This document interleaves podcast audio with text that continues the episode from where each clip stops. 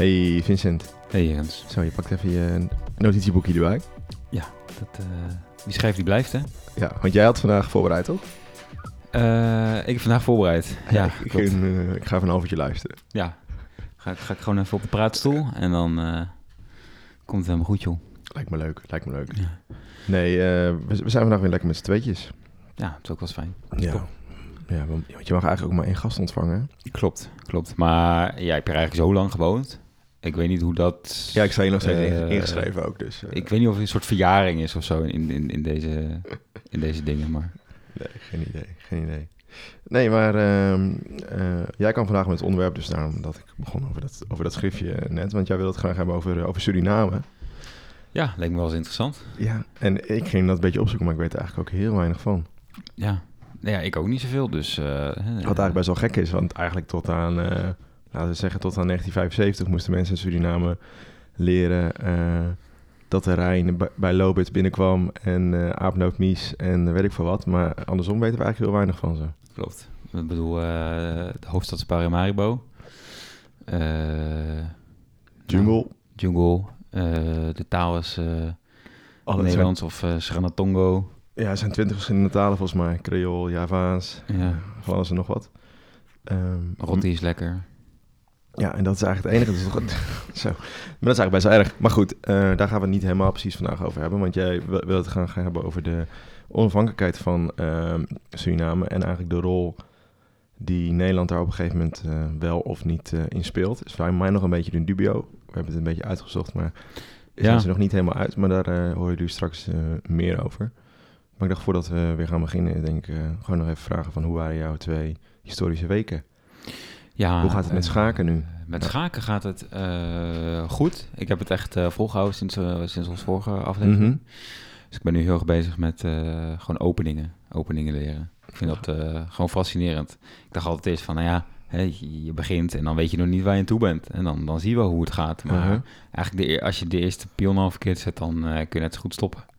En, hoe, hoe vind je dit dan? Via YouTube of zo? Gewoon YouTube, ja. En gewoon ook wel lezen online. En eh, dan eh, samen met YouTube en dan met het bord erbij. En dan eh, gewoon proberen. En proberen te onthouden van wat zijn nou een beetje de, standaard routes die je kan lopen.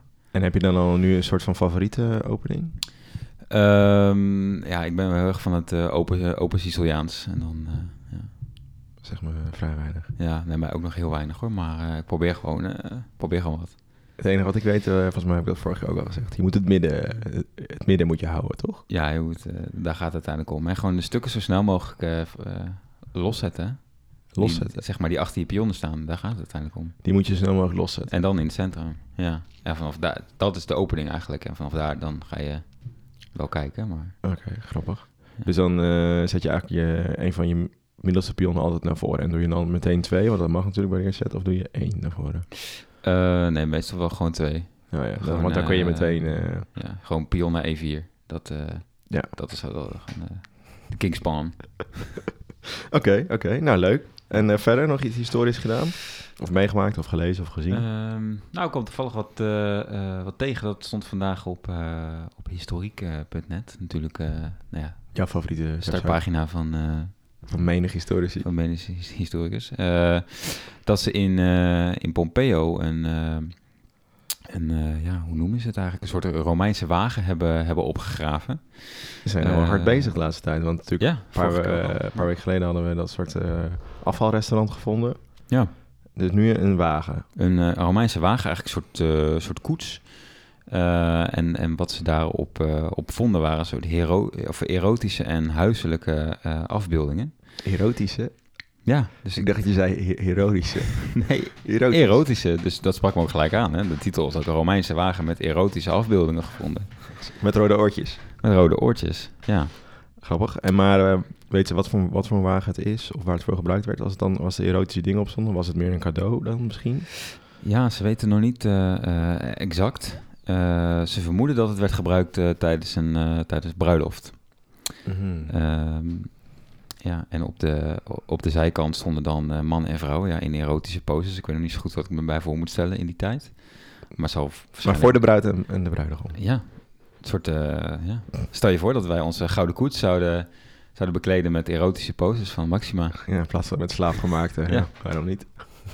ik, ik stem voor. En daarom gaat mijn stem naar De feestpartij. de feestpartij. Oh, grappig. En Ja. de leuke, ik, eh, ik ga het even opzoeken. Ik, heb, eh, ik eh, had het artikel nog niet gelezen, maar op Ja. historiek dus. Historiek. En ja, ja, het was niet heel groot hoor. Het was echt een soort scoop. Ze gaan, ze gaan het nu verder, verder onderzoeken wat het precies is. Leuk. Ik zie laatst ook heel veel op, op Twitter ehm, voorbij komen van die Romeinse keizers die dan een soort van, hoe noem je dat, gefeest 3-date zijn naar de huidige tijd. Een soort Oh, foto ja. van gemaakt is. Ja. Heb je dat al eens gezien? Bijvoorbeeld keizer Augustus of zo? Nee. Echt bizar dat, dat je dan denkt, oh, dat kan gewoon eh, Johan zijn van, de, van het supermarkt of zo. Ja?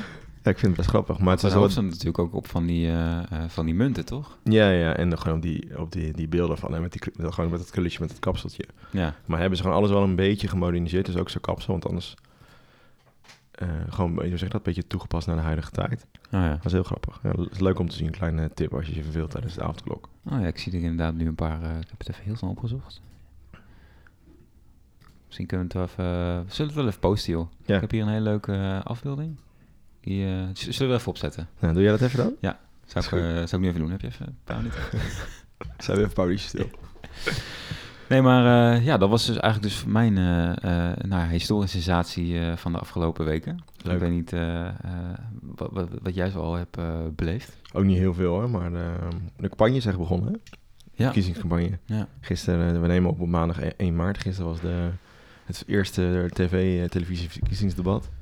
ja, Dodelijk saai. echt heel saai. Zo gescript allemaal. Ja, Ik weet niet, want jij hebt het gezien hè?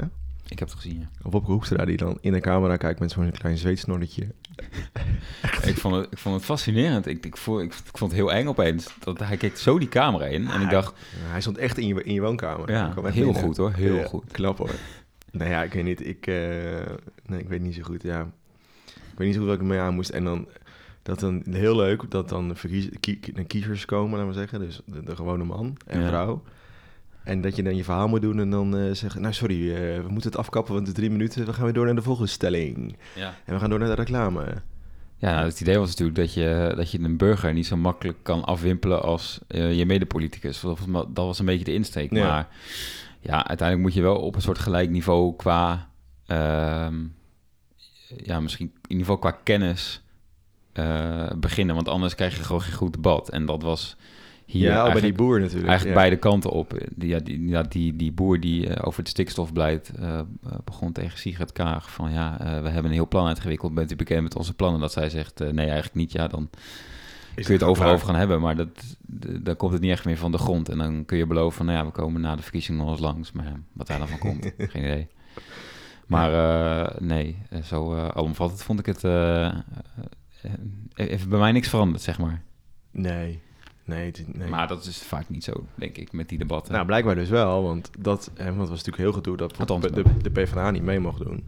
nou ja, dat, eh, misschien dat je er in ieder geval niet bent. Dat is inderdaad wel, dat kan ik me wel voorstellen, ja. Ja, zij zijn natuurlijk wel nu eh, deze zeven partijen die er gisteren... Zeven waren het, toch? Zes. Ja, nee, zes. Ja, zes. zes partijen die er gisteren waren, die, die zijn natuurlijk wel me- nu het meest zichtbaar geweest tot nu Ja. toe. Ja. En aangezien eh, ze allemaal niet de straat op mogen, behalve het Forum, eh, door corona, ehm, ja, moet, je, moet je het volgens mij hebben van deze te- televisiedebat. En ik vind het wel gek dat het soort model is dat de huidige zetels ook meetellen om daar te mogen komen. Ja, Want dan geef je altijd de ruimte aan de gevestigde partijen of zo.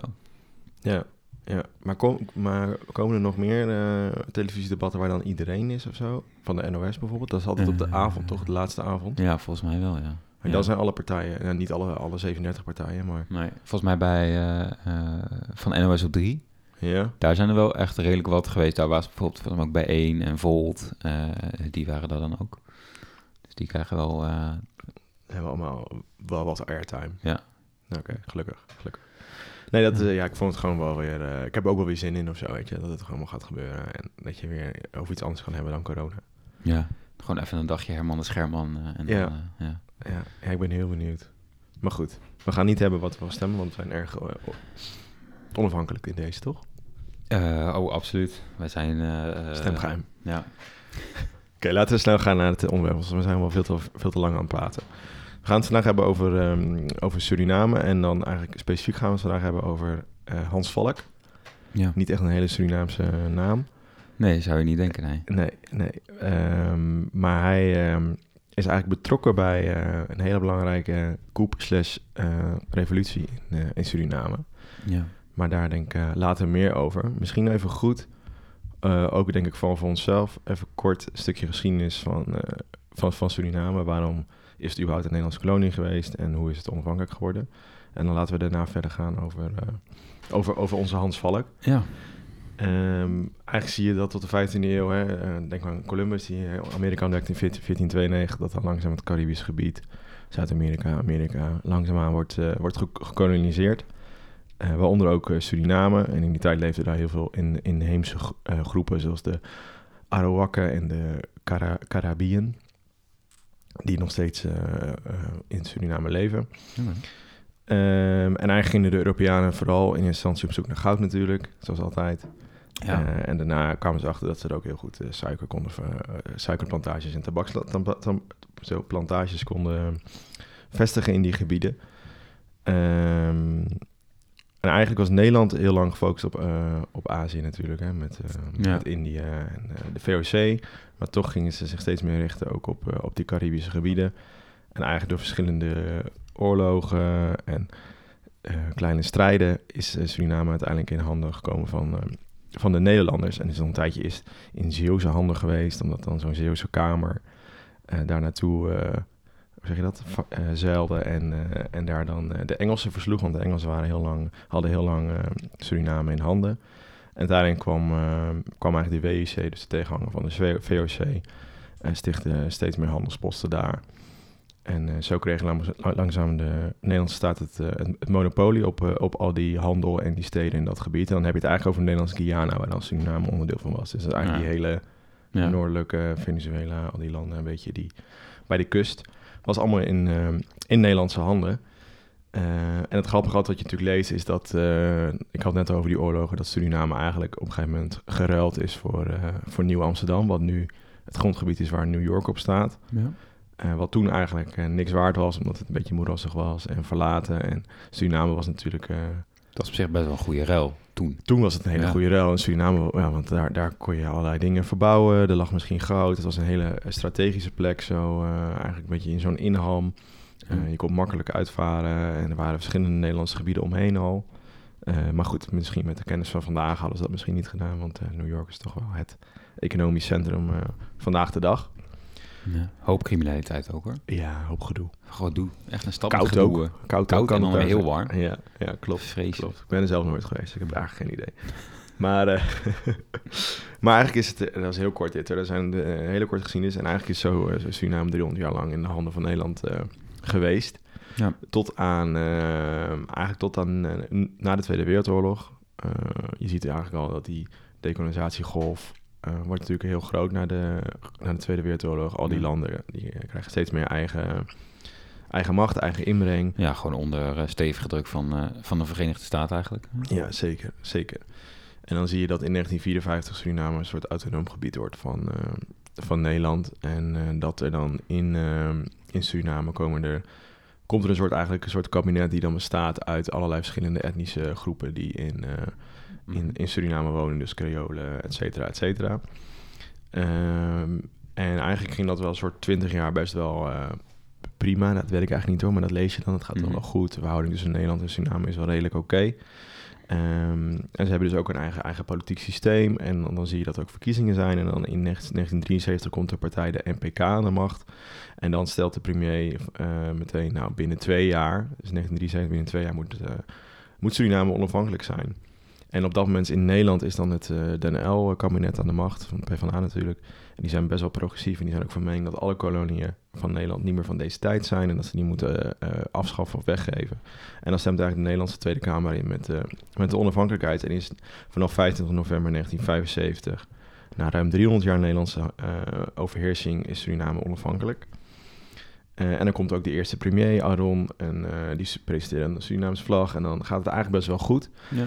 Echter uh, is het wel een beetje een gekke eh, onafhankelijkheid. Want eigenlijk heeft Nederland gezegd van nou, we trekken onze handen vanaf. Maar we geven jullie nog wel ontwikkelingssteun. Ehm, eh, maar daarvoor willen we wel eh, nog een beetje wat in de melk te brokkelen hebben. Dus er zijn allerlei afspraken gemaakt dat Nederland zich eigenlijk nog best wel bemoeit.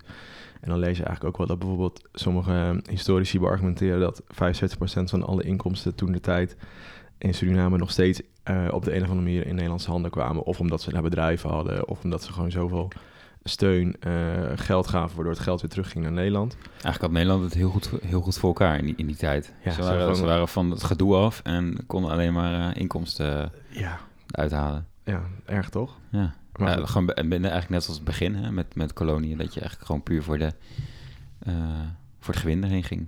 Ja, en dus niet echt voor de, Nee, voor de ja, culturele... ja, of Ja. ja, ja ik weet niet veel. Voor Macht, je- prestige. Macht, macht, prestige, dat soort Ja. dingen, ja. Dus eigenlijk weer, ja, misschien is dat wel een mooie vergelijking. Klopt wel, ja. Ehm dan zei dus in, in, ehm, in, in 1975, en jij zei het eigenlijk al, ehm, het ging eigenlijk niet, het was niet echt heel eh, goed of zo ging het. Er was wat, wat, wat ontevredenheid, ook dus onder die Nederlandse steun. Eh, en Nederland had dus nog wel wat in de melk te brokkelen. En bijvoorbeeld dus ook dat Nederland hielp bij het opzetten van een Surinaamse leger. Ja. En daar was eh, onze hoofdpersoon van vandaag, Hans Valk, eh, bij betrokken. Ja, En dan, eh, dan begint eigenlijk het verhaal van, van onze Dan, sergeant. of wat is het? eh, Hans Valk was een, eh, was een kolonel Ja. van... eh, En ook eh, attaché, moet ik het even goed zeggen? Ja, militair attaché was hij dan, hè, van, eh, eigenlijk gez- gezant van, de van de Nederlandse regering. En hij was daar om nou ja, de Nederlandse missie, zoals je dat dan noemt, te leiden. Mhm. Eh, en ook met name voor te zorgen dat, dat de Nederlanders veilig waren in Suriname. Dat was eigenlijk zijn eerste opdracht. En Echt? de, de Nederlandse, zeg maar de Nederlanders en daarnaast ook de Nederlandse belangen. Mhm. En die moesten veiliggesteld worden. Ehm, en hij hielp met het, eh, eigenlijk met het opbouwen van een, de- en het structureren van het, eh, van het Surinaams eh, leger. ja. Ja, het stond eigenlijk allemaal in teken van nou ja, Suriname als natie eh, helpen te ondersteunen. Als we het even door de roze bril bekijken, denk ik. Mhm. Ehm, maar je zei het al, hè, in, die, in die tijd, eh, in die eerste jaren van, eh, eh, van de onafhankelijkheid, was, eh, nou ja, ging het gewoon niet goed in Suriname. Het was, eh, eh, het was een beetje een, een puinzooi. Eh, Nederland trok zijn handen ervan af en had ze wel wat geld gegeven. Ja, 4,3 miljard. Ja, echt, Nederlandse guldens. Een soort, nou ja, een gouden horloge en wij trekken onze handen ervan af. Ja, en dan maar dan nog wel zeggen van, oh, kijk even dat je het goed geld besteedt. En ja, ze moesten wel verantwoorden. alles moest verantwoord worden, tot aan de cent eigenlijk. Van Ja. wat, wat er nou precies mee ging, ging gebeuren, ja. Ja. Nee, en eh, ehm, nou wie een grote rol speelt hè, in die eerste jaren eh, van, eh, van de Surinaamse onafhankelijkheid is nou ja, iemand die we vandaag de dag nog steeds kennen. Dat is Daisy Boutersen. Mhm. Ehm, die woonde in die tijd in, in, in Nederland, waar hij zijn militaire opleiding genoot. Ehm, en hij zag ook dat het gewoon niet goed ging met, eh, eh, met Suriname. Ehm, en daarom vloog hij, eh, vloog hij terug eigenlijk naar zijn, naar zijn vaderland. om daar nou ja, een soort leidende rol op, zich, op zich te nemen. Want hij, ja, hij stoorde zich mateloos aan, het, aan de organisatie van het, van het Surinaamse leger. Ehm, eh, ja, en het ontbrak de regering eigenlijk aan gezag, hè, volgens hem. Ja. En op dat moment ziet hij eigenlijk maar één oplossing. En dat is een plegen van een coup. Ehm, en dat doet hij op 25 februari 1980 met 15 andere sergeanten. Eigenlijk de, de groep van 16 eh, worden ze genoemd. Mhm. Ehm, en dan nemen ze, dus, eh, nemen ze dus de macht over. En eh, dat doen zij. En dat is dus het verhaal. Dat doen zij eigenlijk met behulp of op aanraden van onze kolonel Hans Valk. Hè, want hij is op dat moment is hij, nou ja, de, de militair adviseur. Eh, en hij ziet ook dat het niet, eh, niet goed gaat in, eh, in Suriname. En het schijnt dat hij iets heeft gezegd van, nou ja, als ik jou was, zou ik een eh, plegen. Want dit gaat niet goed met de regering. Jij hebt de macht, je hebt de kennis, de mannen. Ehm, eh, maar ik wil er niks mee te maken hebben. Dus Ja. dat is een beetje dus het verhaal eh, wat er gaat. Hè, dat hij Ja, dat- en tegelijkertijd lees je dan ook nog dat hij een soort... eh, hij kon niet onder, door één deur met de generaal van, de, van het Surinaamse leger, Elstak. Dus eigenlijk een hoger geplaatste dan, dan Hans Valk. Ja, Ehm, en dat door, die, door deze coup zou hij ook hoe zeg je dat, van zijn, van zijn sokkel eigenlijk vallen. Dus dat zie je ook Ja. nog een soort van persoonlijk belang. Lees je af en toe een keer terug in die, als je die reconstructies leest van, eh, van, dit, Ja. van, van deze sergeantenkoep. Hè. Zo wordt hij dan genoemd in 1980. Ja, maar dat is natuurlijk wel grappig. Het zijn dus 16 eh, sergeanten. Nou ja, dat is een eh, respectabele rang in, in het leger, maar bij lange na niet een hoge functie. Je bent Nee. niet eens een officier. Eh, maar wel na de koep wordt Boutens eh, gepromoveerd, of promoveert hij zichzelf, eh, maar net hoe je het ziet, tot de bevelhebber van het, van het Surinaamse leger. Dus dat is wel een bliksemcarrière in, op, de, op de militaire rangenladder. Ja. Maar wat ook wel grappig is, in, zowel in Suriname als in Nederland wordt in eerste instantie positief gereageerd op, eigenlijk op de koep die Bouts pleegt. Omdat, nou ja, mensen zien toch ook wel inderdaad, men, men was het er toch over eens gewoon dat het niet goed ging en dat er een soort harde hand nodig was. Mhm. Ehm, eh, zo kopt het, eh, het Surinaamse tijdschrift De Vrije Stem eh, eindelijk, hè, nadat eh eh, Boutsen de koep pleegt.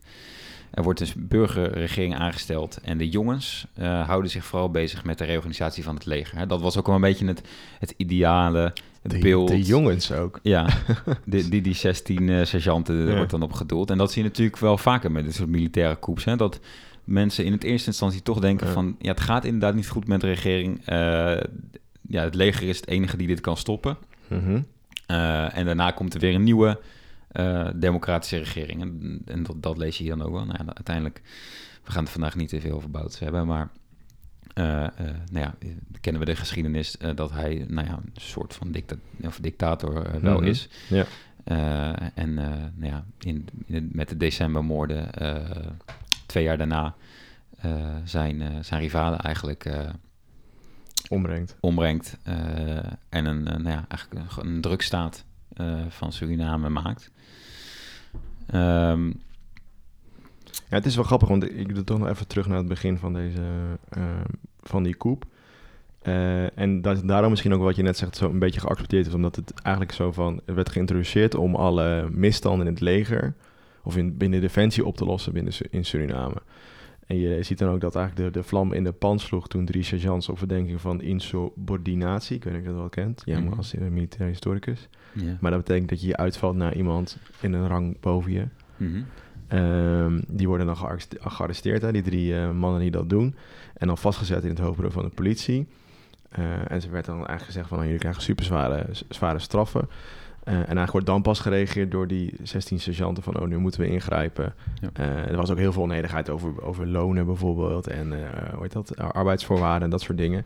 En dat zie je dat bijvoorbeeld in Nederland dat heel erg benadrukt wordt. Hè? Dus er was heel veel kritiek op de arbeidsvoorwaarden. Nu grijpen ze zelf hun macht in handen en wat goed van de jongens, zoals je het net al zei. Ehm, eh, en dan zie je eigenlijk dat, ze, dat, dat die 16 gasten dan eh, eh, die boekoekazerne innemen. Dus een belangrijke kazerne. En dat politiebureau waar die, waar die gasten, die gaan ze dan beschieten met een kanon. ja, Ik dacht, nou, dat lijkt wel, hoe heet dat, de Franse revolutie. ja. De Bastille bestormen.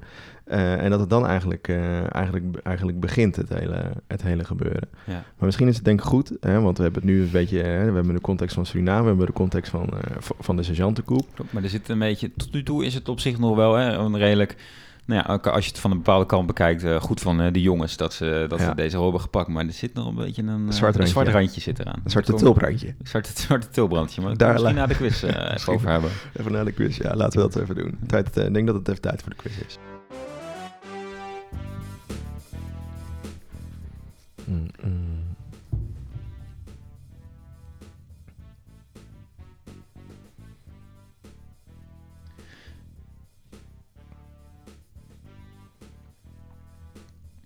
Ja, de stand is eh 2-2. Ja, Is dat Ja. nog steeds gelijk? ja, ik heb Eh, weer mijn be- ben weer mijn beker vergeten. Sorry. Ja, nou ja, goed. Weet je, op een gegeven moment eh reken je er ook niet eens meer op. het is toch extra leuk als je dan straks een keer krijgt. Ja, nee, ja, zo is het ook wel hoor. Dat, eh, Uitgestelde... uit- uitgestelde beloningen, echt Ja. Calvinistisch. Ja, zo zijn we ook opgevoed. Tenminste. Jij kwam ook van de Veluwe, toch? Eh, klopt, ja. ja. Ja. Maar wel hij van, van het progressieve deel hoor. Oh ja, jij komt, nee, jij, jij komt eigenlijk uit de Gelderse Vallei. Oh, ja. Je komt helemaal niet uit, de... uit de poort. hoor. Ja. Je bent voor de hemelpoort weggesleept. of voor de helpoort. Maar goed, 2-2, ja. Ja, eh, we hadden natuurlijk vorige keer een eh, vraag gesteld aan, eh, Aan jullie? aan jullie. Ja. over... De Engelse alliantie met Portugal. ja. De Winds Windsor, toch? ja, de vraag was waar of niet waar. In 1386 ondertekende Engeland en Portugal het verdrag van Windsor. De oudste alliantie die nog steeds van kracht is. Wat denk je? Nou, we hebben het even opgezocht. Bij de antwoorden.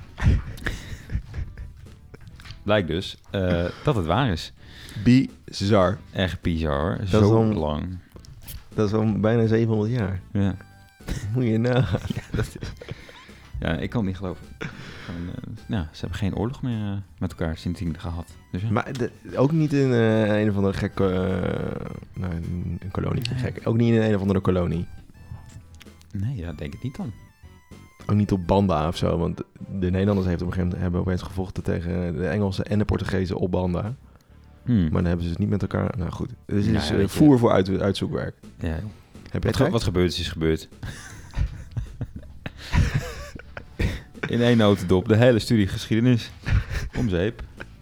Nou, eh, Dankjewel, even kijken. Zou ik, eh, zou ik jou anders gewoon even een, eh, Ja. eh, een vraag voorlezen? Ja. Um, ik dacht je nou op je scherm te kijken en ga je nou een vraag van je scherm aflezen in plaats van het boek. Ik heb zelf eentje bedacht vanmiddag. In hoeverre? Nou, zeg maar stop. Stop. Nou, heb je weer hartstikke geluk. Precies op de helft zit ik. Eh, 1800 tot 1849. Eh, en dan zijn het maar drie vragen waar je uit zou kunnen kiezen. Nummer twee. Uh, 2. Oh, een ellendig lange vraagje. Nou, komt hij aan. Waarom werden in het begin van de 19e eeuw Britse zeelieden limeys genoemd? A. Oh, gelukkig. Veel van hen hadden in kalkgroeven gewerkt. Lime quarries. Denk ik dat je het zo zegt. Mhm. B. Ze kregen limoensap om geen last van scheurbuik te krijgen. Dus limeys. Ja. Eh, of C. Ze waren berucht vanwege het feit dat ze in tropische havens altijd alle limoenen opkochten. Het moet haast wel C zijn. Nee. Ehm Poeh, steengroeven. Ik ga denk ik toch voor... ehm nou, misschien wel voor vraag antwoord B. B. Dus ze kregen limoensap om geen last te krijgen van scheurbuik. Ja, het is... Ja... Twijfel, twijfel, twijfel. is nog steeds af te klokken. Wat zou jij doen? Ik zou voor het goede antwoord gaan, maar dat ben ik. Ehm, nee, ik ga toch voor antwoord A. Je gaat voor antwoord A. Ja. Veel van hen hadden in kalkgroeven gewerkt. Nee, dan ga ik toch voor antwoord B, sorry. Gaat voor antwoord B? Ja. Nou, antwoord B is goed. Yes. Ja, ze kregen limoensap om geen last te krijgen van, eh, van scheurbuik. Dus eh, ja. Ja, ik zat gewoon heel even te twijfelen. Van, ik dacht, ja, dat is, omdat het zo echt zo specifiek eind 19e eeuw was. nou, misschien al was het toen wel iets ja al je- bedacht Ja. eh, om, om scheurbuik. eh, Of vitaminepillen of zo. ja, zoiets, weet ik veel. Multivitamine. Ja, misschien eh, hebben ze net als de VOC allerlei gevangenen, gevangenen op die boot gezet. En doen ze dat daar met steen, eh, met mensen die in kalk eh, steengroeven werken. Ja, je weet het niet. Je weet het niet, hè? Maar goed. Zo blijf je alles analyseren. Ja. Oké, Vincent, ben je klaar voor? Ja, Voor de gelijkmaker weer waarschijnlijk. ja. Zeg maar stop. Stop. Zo, jij gaat lekker voor... eh, Je kan kiezen tussen vraag 99 of vraag 100. 1850 tot 1899 zitten we. Eh, ik gewoon voor vraag 100 gaan. Ja. Waar of niet waar? Leuk. Queen Victoria was langer aan het bewind dan alle monarchen voor haar. Hij zat 42 jaar, 52 jaar op de troon. Poeh. Is dat waar of niet waar? De- eh, ik denk eigenlijk wel dat dat waar is. Oei, is niet waar. Ai. Ze regeerde 63 jaar en 7 maanden. Dus het is wel waar dat ze als langste was, maar Hè? 52 jaar klopt niet wat een instinker. Wat is dit nou weer, joh? Ja. Let op, ik ga hem nog een keer voorlezen. waar, waar of niet waar?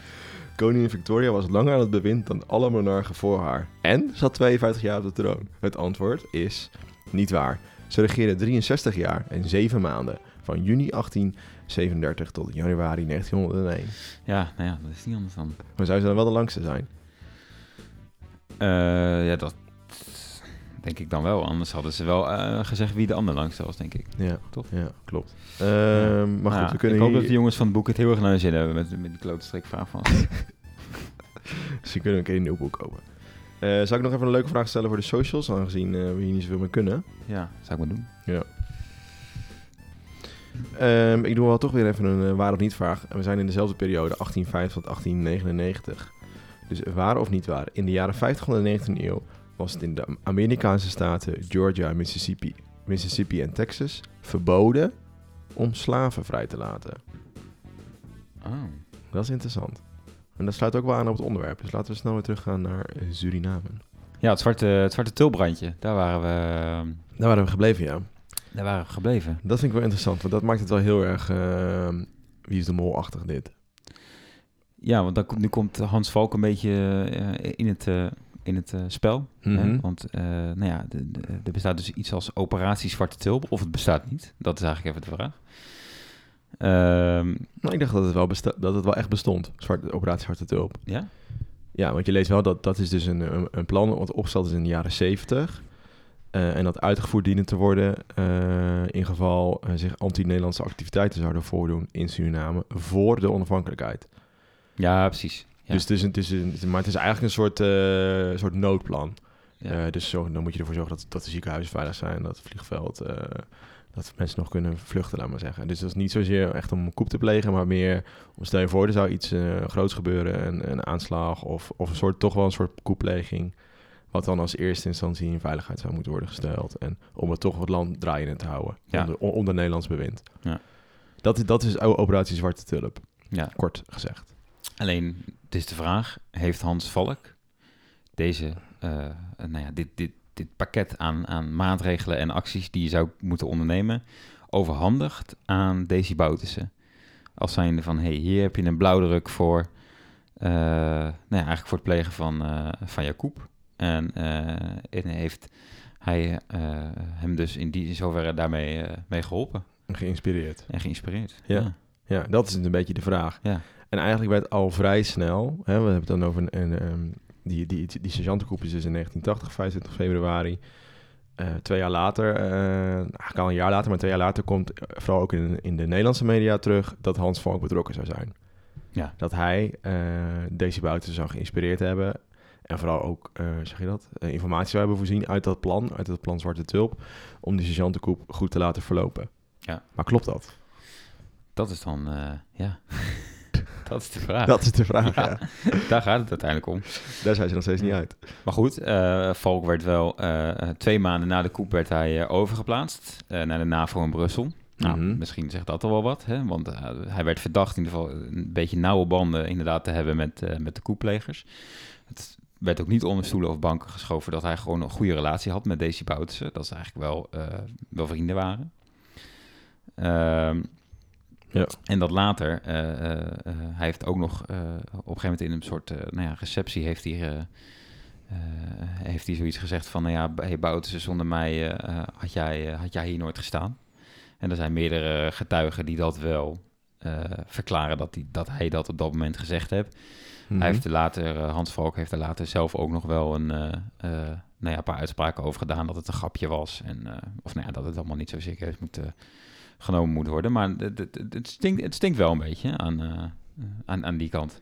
Ja. Ehm, maar goed, we weten, het, we weten het fijne er eigenlijk niet van, die hele Nederlandse rol. En of dat dan Hans Valk in het bijzonder is, of de Nederlandse eh, regering misschien wat algemener. Eh, daar weten we gewoon nog niet zoveel van, omdat die stukken, eh, die archiefstukken waar dat dan in zou moeten staan, eh, in ieder geval voor het grootste deel nog achter slot en grendel liggen. Mhm. Ehm, nu is er, als ik het wel heb, een jaar of tien geleden, zijn er wel wat archiefstukken openbaar gemaakt. Eigenlijk door een soort foutje van de, van de regering. Want die zijn naar de Tweede Kamer gegaan om in te zien. En zijn toen teruggegaan naar het archief. van- zonder de stempel erop, dit moet geheim blijven. Ja, ja. En eigenlijk is in bijvoorbeeld in, 19, eh, in, de, in, de, jaren 80 eh, is ook al die, deze hele zaak ruimschoots besproken in de Tweede Kamer. En Ja. die, en die natuurlijk kan je ook gewoon inzien. Dus dat geeft ook al wel iets weg van, van eh, de verdachtmaking of de, of de plannen van, ehm, van Hans Valk. Ja. Ehm, Er is een onderzoekscommissie geweest en die, die, nou ja, die bevindingen zijn ook Mhm. te lezen. Ja. Uh, alleen ja, het interessante is natuurlijk uh, echt de besluitvorming uh, en de, de, ministerraden en, en, dat soort dingen. Daar, moeten we, daar zullen we nog echt een tijdje op moeten wachten. Ja, en dit is, dit is dus, laten we zeggen, ook nog dus voor kort verlengd, dat staatsgeheim, tot 2060. Ja. Dus wat zegt dat dan? Nou ja, dat er blijkbaar dus wel belastende dingen in staan voor mensen die eventueel nog zouden kunnen leven. Want daar wordt natuurlijk vaak op gegooid met dit soort archiefstukken. Dat, dat je de, de, gewoon de privacy van mensen uh, schaadt. Ja, en dat, dat is nu een beetje het ding. Er staan uh, privacygevoelige informatie in die ook eventueel mensen hun veiligheid in, in het hoe zeg dat, bedwing of bedwang of gedrang zou brengen. Gedrang zou brengen. Um, en eigenlijk het, het, het meeste, het, het, het opvallendste of het grootste bewijs dat hij er iets mee zou te maken hebben, is dat de inlichtingendienst van de landmacht, de LAMID, LAMID, uh, heeft een soort geheim rapport opgesteld over die hele situatie rondom, uh, rondom de sergeantenkoep. Uh, en die is nooit doorgegeven aan de minister van Buitenlandse Zaken, die wel de hoofdverantwoordelijke daarvoor is. Um, en dit is, nog steeds, die is gewoon nog steeds een beetje onduidelijk waar wat er nou in staat en waar dat nou gebleven is. En wat ik, ja, jij zei net al, sommige dingen zijn wel doorgecijpeld. Ja. Doordat ze bijvoorbeeld in iemands zeg je dat? In iemands uh, archief zaten, persoonlijke archief, maar dan niet geïndexeerd. Dus gewoon tussen de papieren zat opeens uh, wat onderdelen van dat uh, rapport. En er zijn wat onderdelen besproken tijdens Kamervragen in 1984. Ja. Mm, en dan zie je dat na aanleiding van de uitzendingen van, van Andere Tijden in 2009 en opnieuw weer Kamervragen worden gesteld, voornamelijk door de SP, om het openbaar te maken of om het in ieder geval te te bespreken. En dan komen we, zijn verschillende uh, aanvragen gedaan. En die worden dan elke keer weer afgekeurd door de, weet je wel, de, de, de WOP. Zo'n WOP-verzoek. Ja. Wat je natuurlijk bij de toeslagaffaire ook heel vaak hoorde. Dus wordt gewoon alles doorgestreept. Dus het blijft een beetje onduidelijk. En eigenlijk riekt daar alles, riekt het daardoor echt juist aan naar dat Nederland erbij betrokken is. En dat is wel een heel interessant uh, discours eigenlijk. Zo van, ja. uh, we kunnen eigenlijk niet zonder, uh, zonder Suriname. We hebben dat gewoon nodig. En dan moeten alles in het werk stellen. Ook dus vijf jaar nadat ze onafhankelijk hebben. Om alsnog de touwtjes in handen te krijgen. Door dus zo'n Hans Valk en Desi Boutussen aan de macht te zetten. En dan zie je ook eigenlijk overal dat in, die, in de loop van de jaren 80, als die Kamervragen gesteld worden in 1984. En dan steeds later dat er gewoon overal staat van Desi Boutussen aan de macht door Nederland. En Nederland heeft ervoor gezorgd dat Desi Boutussen aan de macht is. Ja. Maar tegelijkertijd uh, gaat het eigenlijk ook wel helemaal mis met, uh, met de relatie tussen Suriname en, uh, en, en, Nederland. En vooral ook dus de relatie tussen Desi Bouterse en Nederland. En dat die, die verstroeft, er wordt gewoon een hele stroeve relatie. Mm -hmm. wat ook weer kan pleiten voor dat het gewoon allemaal niet, zo, niet waar is. Dat hele inbreng van, van Hans Valk. Nee, nou ja, goed, je ziet natuurlijk wel, ook bij andere landen rond diezelfde tijd, met name met de Verenigde Staten, die ook allemaal ja, eigenlijk een soort semi-dictators uh, uh, op, die, op plekken in landen zetten en ze uh, op de achtergrond ondersteunen om, om toch... Het, het, is natuurlijk best interessant voor Nederland om gewoon iemand in ieder geval die je zou kunnen vertrouwen... een sterke leider op die plek, op die plek te hebben. Mm -hmm. zeker als het anders zou nou ja, uitmonden in, in, in, in, chaos, wat je misschien wel heel veel geld zou kunnen kosten inderdaad. Ehm, en nu is er nog onlangs is er een boek verschenen hè, van van Ellen, uh, Ellen de Vries. Ja. Die eigenlijk uh, nou ja, wederom uh, in deze zaak duikt. de correspondent, die, heeft er ook, die is daar ook wel eigenlijk doorlopend mee bezig. Als er iets nieuws wordt gevonden, dan vullen zij dat ook aan. Ja, de SP ook, nog steeds. ja, die hebben er echt nou ja, nog niet zo heel lang geleden ook weer kamervragen over gesteld. Van nou ja, hoe zit het daar nou mee en wat is daar de gang, wat is daar nu de gang van zaken? Mm -hmm. goed, ook deze Ellen de Vries, die de, dit, dit boek publiceren, vond eigenlijk geen overtuigend bewijs voor de betrokkenheid van, van Hans Valk. En zij schrijft ook van, uh, Valk heeft voor de koep een paar keer gezegd dat er iets moest gebeuren in Suriname. Want het was in het leger een chaos geworden. Voor sommigen uh, was het verleidelijk die woorden te interpreteren als een aansporing om een koep te plegen. En achteraf is Valk met de militair gaan praten en heeft hij hun aangeraden snel een formateur te benoemen. Terwijl Den Haag hem had opgedragen geen politieke uitspraken te doen. Dus uh, ja, uiteindelijk denk ik inderdaad ook wel naar van alle dingen die je hoort en die je leest, uh, dat het inderdaad ja, meer een beetje onhandig was allemaal van, uh, van Hans Valk. En dat hij zich denk ik misschien ook wel net iets belangrijker voelde dan dat hij, dan dat hij was of zo op dat moment. Ja, ja. Ja, en je leest dus ook wel ook in dat stuk van, uh, van Ellen de Vries. Zij heeft ook een stuk geschreven in de Groene Amsterdammer vorige week over, over haar boek. En ook over deze zaak. En daar lees je ook van eh, dat eigenlijk een soort eh, ongoing eh meme, wilde ik zeggen, maar een soort grap was eh, binnen de Surinaamse krijgsmacht. Ook dus door deze buiten om te zeggen van nou, wij gaan de boel overnemen. En, en Ja. eigenlijk wist iedereen wel op het, tot het allerhoogste niveau aan toe. Dus zelfs de premier van ehm, ehm, Suriname in die tijd, als, als de Nederlandse inlichtingendienst en, en de Nederlandse Kamer, dat dat veel geroepen werd, hè, van dat er een koep gaande was, of aanstaande was, maar niemand nam het eigenlijk serieus omdat het een grap was. Mhm. En ik kan me wel voorstellen dat in die, als er een soort van sfeer ontstaat binnen de krijgsmacht van, nou wij gaan het allemaal overnemen, dat zo'n Hans Valk daar natuurlijk dan prima in mee kan gaan eigenlijk, als in. Ja, dat hij ook naar een borreltje zegt van... Hey, Ja, weet je kan je jij moet doen? helpen, ja. Een koep plegen. Ja, wel een plan voor je liggen. ja. Ja. En wat ik ook nog wel, want als we dan toch over dat plan hebben en denk als, als nog, wat nog een argument is om te beargumenteren, is dat een goede zin? Jawel. Nou ja, Eh, dat, Ha- dat Hans Valk eh, eigenlijk niks mee te maken heeft, is dat dat, dat, eh, dat noodplan of dat plan Zwarte, Zwarte Tulp. En eigenlijk was het in, officieel heette het een nood- en evacuatieplan. Dus het laat eigenlijk al zien dat het niet zoveel te maken heeft met een plan om een, om een coup te plegen. Dat er ook duidelijk in stond dat de, de politiebureaus bijvoorbeeld beschermd moesten worden. En het eerste wat die gasten doen als die sergeant de coup gaande is, is dat met een kanon een politiebureau neer, om, ja, omverschieten en puin Ja. schieten. Ja. Dus wat dat betreft, ja, dat kan natuurlijk ook, ja, ook, dat kan natuurlijk ook gewoon een misverstand of een ja, aardigheid zijn. Maar Volgens mij is, eh, zeg maar, eh, dat, dat, dat soort dingen, dat kun je, dat is wel een soort koep plegen eh 101, zeg maar, gewoon. Dat, is, dat zijn de basisprincipes van een koep plegen. Dat zijn gewoon bepaalde eh, factoren die je moet veiligstellen hè, om, om eh, überhaupt te kunnen claimen dat je de macht hebt in een land. Dan moet je Mhm. inderdaad macht hebben over, over, de, over het leger, over de politie. eh, en over het geld. Dat, dat zijn eigenlijk de drie dingen Ja. die je... als jij kan verklaren, ik heb de macht erover... dan heb je eigenlijk ook gewoon de macht. Ja. En dan kun je allemaal dingen afspreken over democratie... maar dat is dan al heel snel niks meer waard. Eh, en dat zie je inderdaad hier ook. Dus, dus of dat dan van zo'n, eh, inderdaad van zo'n zwarte tulp komt... of dat dat meer iets wat je sowieso in een koep eh, logisch is om, om, om te doen. Maar goed, dus er zijn dus de meeste dingen zijn al wel uitgezocht... die er uitgezocht hadden kunnen zijn met de bronnen die er nu zijn. Ja. Ehm, dus het is nog een jaar of eh, veertig wachten totdat we eh, uiteindelijk weten hoe het daar vergaan is. kan niet wachten op openbaringsdag Ja, 2060. en da- dan kunnen wij, nou ja, dan kunnen we een hele week podcast maken, want dan zijn we met pensioen. Ja, heerlijk. Gaan we, dat, gaan we dat lekker nou, ja, nou, net niet, maar doen? Dan ben ik 66. dan zijn we al lang met, de met de fut. Ja, al, al lang verdiend met crypto's. Ja, voor man, volgende week ook. Nee, ja, dus het, het, het- ja, het is een beetje een, eh, een laf einde misschien, maar we komen Ja. er eigenlijk niet uit. Maar het is altijd wel een sensatie, hè, die openbarings... eh, Ja, wij openbaringsdag. hebben al, volgens mij al sinds wij bestaan als podcast, Ja, dat is nu bijna vier jaar, al gezegd iedere keer van daar moeten we een keer naartoe met onze microfoons. ja. Laten we Dus dat een het keer is gaan wel, eh, want ze maken, ze geven vooraf ook altijd een, een shortlist van, hey, deze we hebben toch wel eens even bekeken en deze dingen komen eraan. Mhm. De cliffhanger. Eh, en volgend jaar dus aanstaande, eh, dus uh, nou, het is eigenlijk net geweest, maar eh, in 2022 eh, is 1947 eh, aan de beurt eigenlijk voor de grote dingen die dus pas na een langere tijd worden eh, Ja. bekendgemaakt. Dus er komen ook bijvoorbeeld nu ook steeds meer dingen aan het licht van eh, nou ja, de onafhankelijkheidsoorlog eh, in Indonesië. Ja.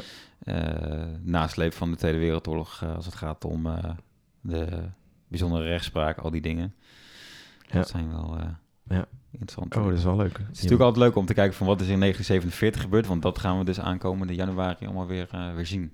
Leuk. Oh, dat Ja. kan ik me nu allemaal... eh, Ja. Want, want dit jaar was het dus helemaal online, hè, door corona, die openbaringsdag. Ja, Dat is een beetje gekkig. Dat soort Ja. presentatie was om te kijken wat voor stukken er waren. Ja. Maar je kon dus niet rennen. Het, eh, het Volgens mij hebben ze heel veel ingescand ook, inderdaad. Ja. En eh, dat je dat gewoon kon, eh, kon opzoeken. Maar misschien kunnen we eind dit jaar eh, even een, eh, een pre-party. ja, lijkt me wel leuk. Lijkt, me leuk als corona dan voorbij is. ja, nou, daar gaan we wel vanuit, toch? Top. Maar eh, kortom, wat denk jij? Vergissing van Van Valk? eh, gewoon zijn boekje te buiten gegaan of bewuste actie om, eh, om Suriname weer een soort van Nederlandse handen te krijgen door een soort stroomman neer te zetten in de vorm van Desi Boutussen? Ehm, ik denk, zijn boek, boekje te buiten gegaan, absoluut. Maar wel uit onhandigheid, dat denk ik eigenlijk. Ja, denk ik eigenlijk ook, ja. Aangezien je ook dan bijvoorbeeld die, ehm, dan zie je die ehm decembermoorden twee jaar later, in 1982, Ja. eh, dat dan ook die hele steun van Nederland weer ophoudt. Hoeft Mm. natuurlijk niet heel veel te betekenen, maar eh, kan natuurlijk ook een soort van eh, imago dingetje zijn. Ja, Sterk, of gewoon... van met deze man willen wij niks... Grote jongenstaal. maken Maar ja, hebben. Nou, het blijft interessant. En je hebt natuurlijk in 2015 dat, dat Massa of dat marathon-interview van met, met Daisy Bouts, die ook nog heel erg geheimzinnig doet over deze zaak elke keer. Ja. Eh, en dan ook juist het heeft van, en, en juist wil zeggen dat hij het gedaan heeft, hè, want dat hij de grote man is en dat niet Nederland achter zit. Er zitten allemaal verschillende belangen en imago's en Ja. haantjes. Ik weet eigenlijk niet hoe het nu met hem gaat. Want hij is natuurlijk nu eh, afgetreden. Afgetreden, ja. ja. Eh, Wordt hij nog vervolgd? eigenlijk wat slecht dat, dat we dat niet weten. ja, Als einde van deze podcast. Ja. Maar goed, eh, maakt ook niet zo uit. maakt ook niet Laten we een einde aan breien. Ja. Het lijkt me Eh, leuk om, eh, om nog een keer te hebben over Anton de Kom. Ik wel eens even dat boek lezen. Ja, Het is wel grappig, want dan zie je eigenlijk een beetje hetzelfde. eh, nou, niet helemaal hetzelfde, maar hij schrijft natuurlijk over de jaren dertig eh, van, van de vorige eeuw. En toen was eh, de, eh, de slavernij al afgeschaft. Maar door allerlei contractarbeiders en eh hè, denk nu bijvoorbeeld aan Qatar. Eigenlijk een beetje hetzelfde idee. Ja. Was er nog steeds sprake van een soort van slavernij, wat hij toen benoemde. En dat gewoon in de hele rangorde eh, Nederlanders nog steeds bovenaan stonden in Suriname. ja, En een soort van zie je dat verhaal, nou niet helemaal hoor, zie je nu eigenlijk weer terug, ook bij die sergeantenkoep. Hè? Als ze dan zo benoemen dat, dat Nederland dat zou inges, ge- of dat dat gestart zou zijn. En eh, ja, dat die er gewoon achter zitten, dat is eigenlijk weer een beetje hetzelfde idee. Van de, nou, de, de witte elite die eh, lost het er wel weer op. ja. Zijdelings of of, eh, re- rechts of linksom. Maar goed. Dat, eh de speculatie, hè? Ja, de- Ik zeg allemaal zo. Dat is- speculatie is alleen maar voor, voor pakjesavond. er is sprake van what if history. Nou, daar, dat doen we niet aan. Eh, nog leuke plannen aankomende twee weken? Nee. Misschien nog een leuke, lekkere vrijdag of zo? Nee. Nee, ik ook niet. Nou ja, eh, dat gezegd hebbende, tot de volgende aflevering. Ja, en eh, ja, tot de volgende keer. En wil je nog een leek van de week zijn? Stuur gewoon een berichtje. Ik wil ook een keer leuk van de week zijn. Denk je dat dat kan? Ja, wie moet ik dan uitnodigen? Ehm, Misschien moeten we weer een keer een expert uitnodigen. Dat is wel leuk. Kunnen we Ja. lekker weer een beetje vragen stellen. ja, dus, dus heb je echt een, eh, Expertise een verschrikkelijke niche? Ja. Laat het vooral weten. Ja, misschien weet je wel iets over eh veeteelt eh, in Pakistan Ja. voor eh, de middeleeuwen. Ja. Wie weet. Misschien minuten binnen. Ja. Kan best interessant zijn. Nee, laat het lekker horen en tot de volgende keer. Bedankt voor het luisteren. Yo.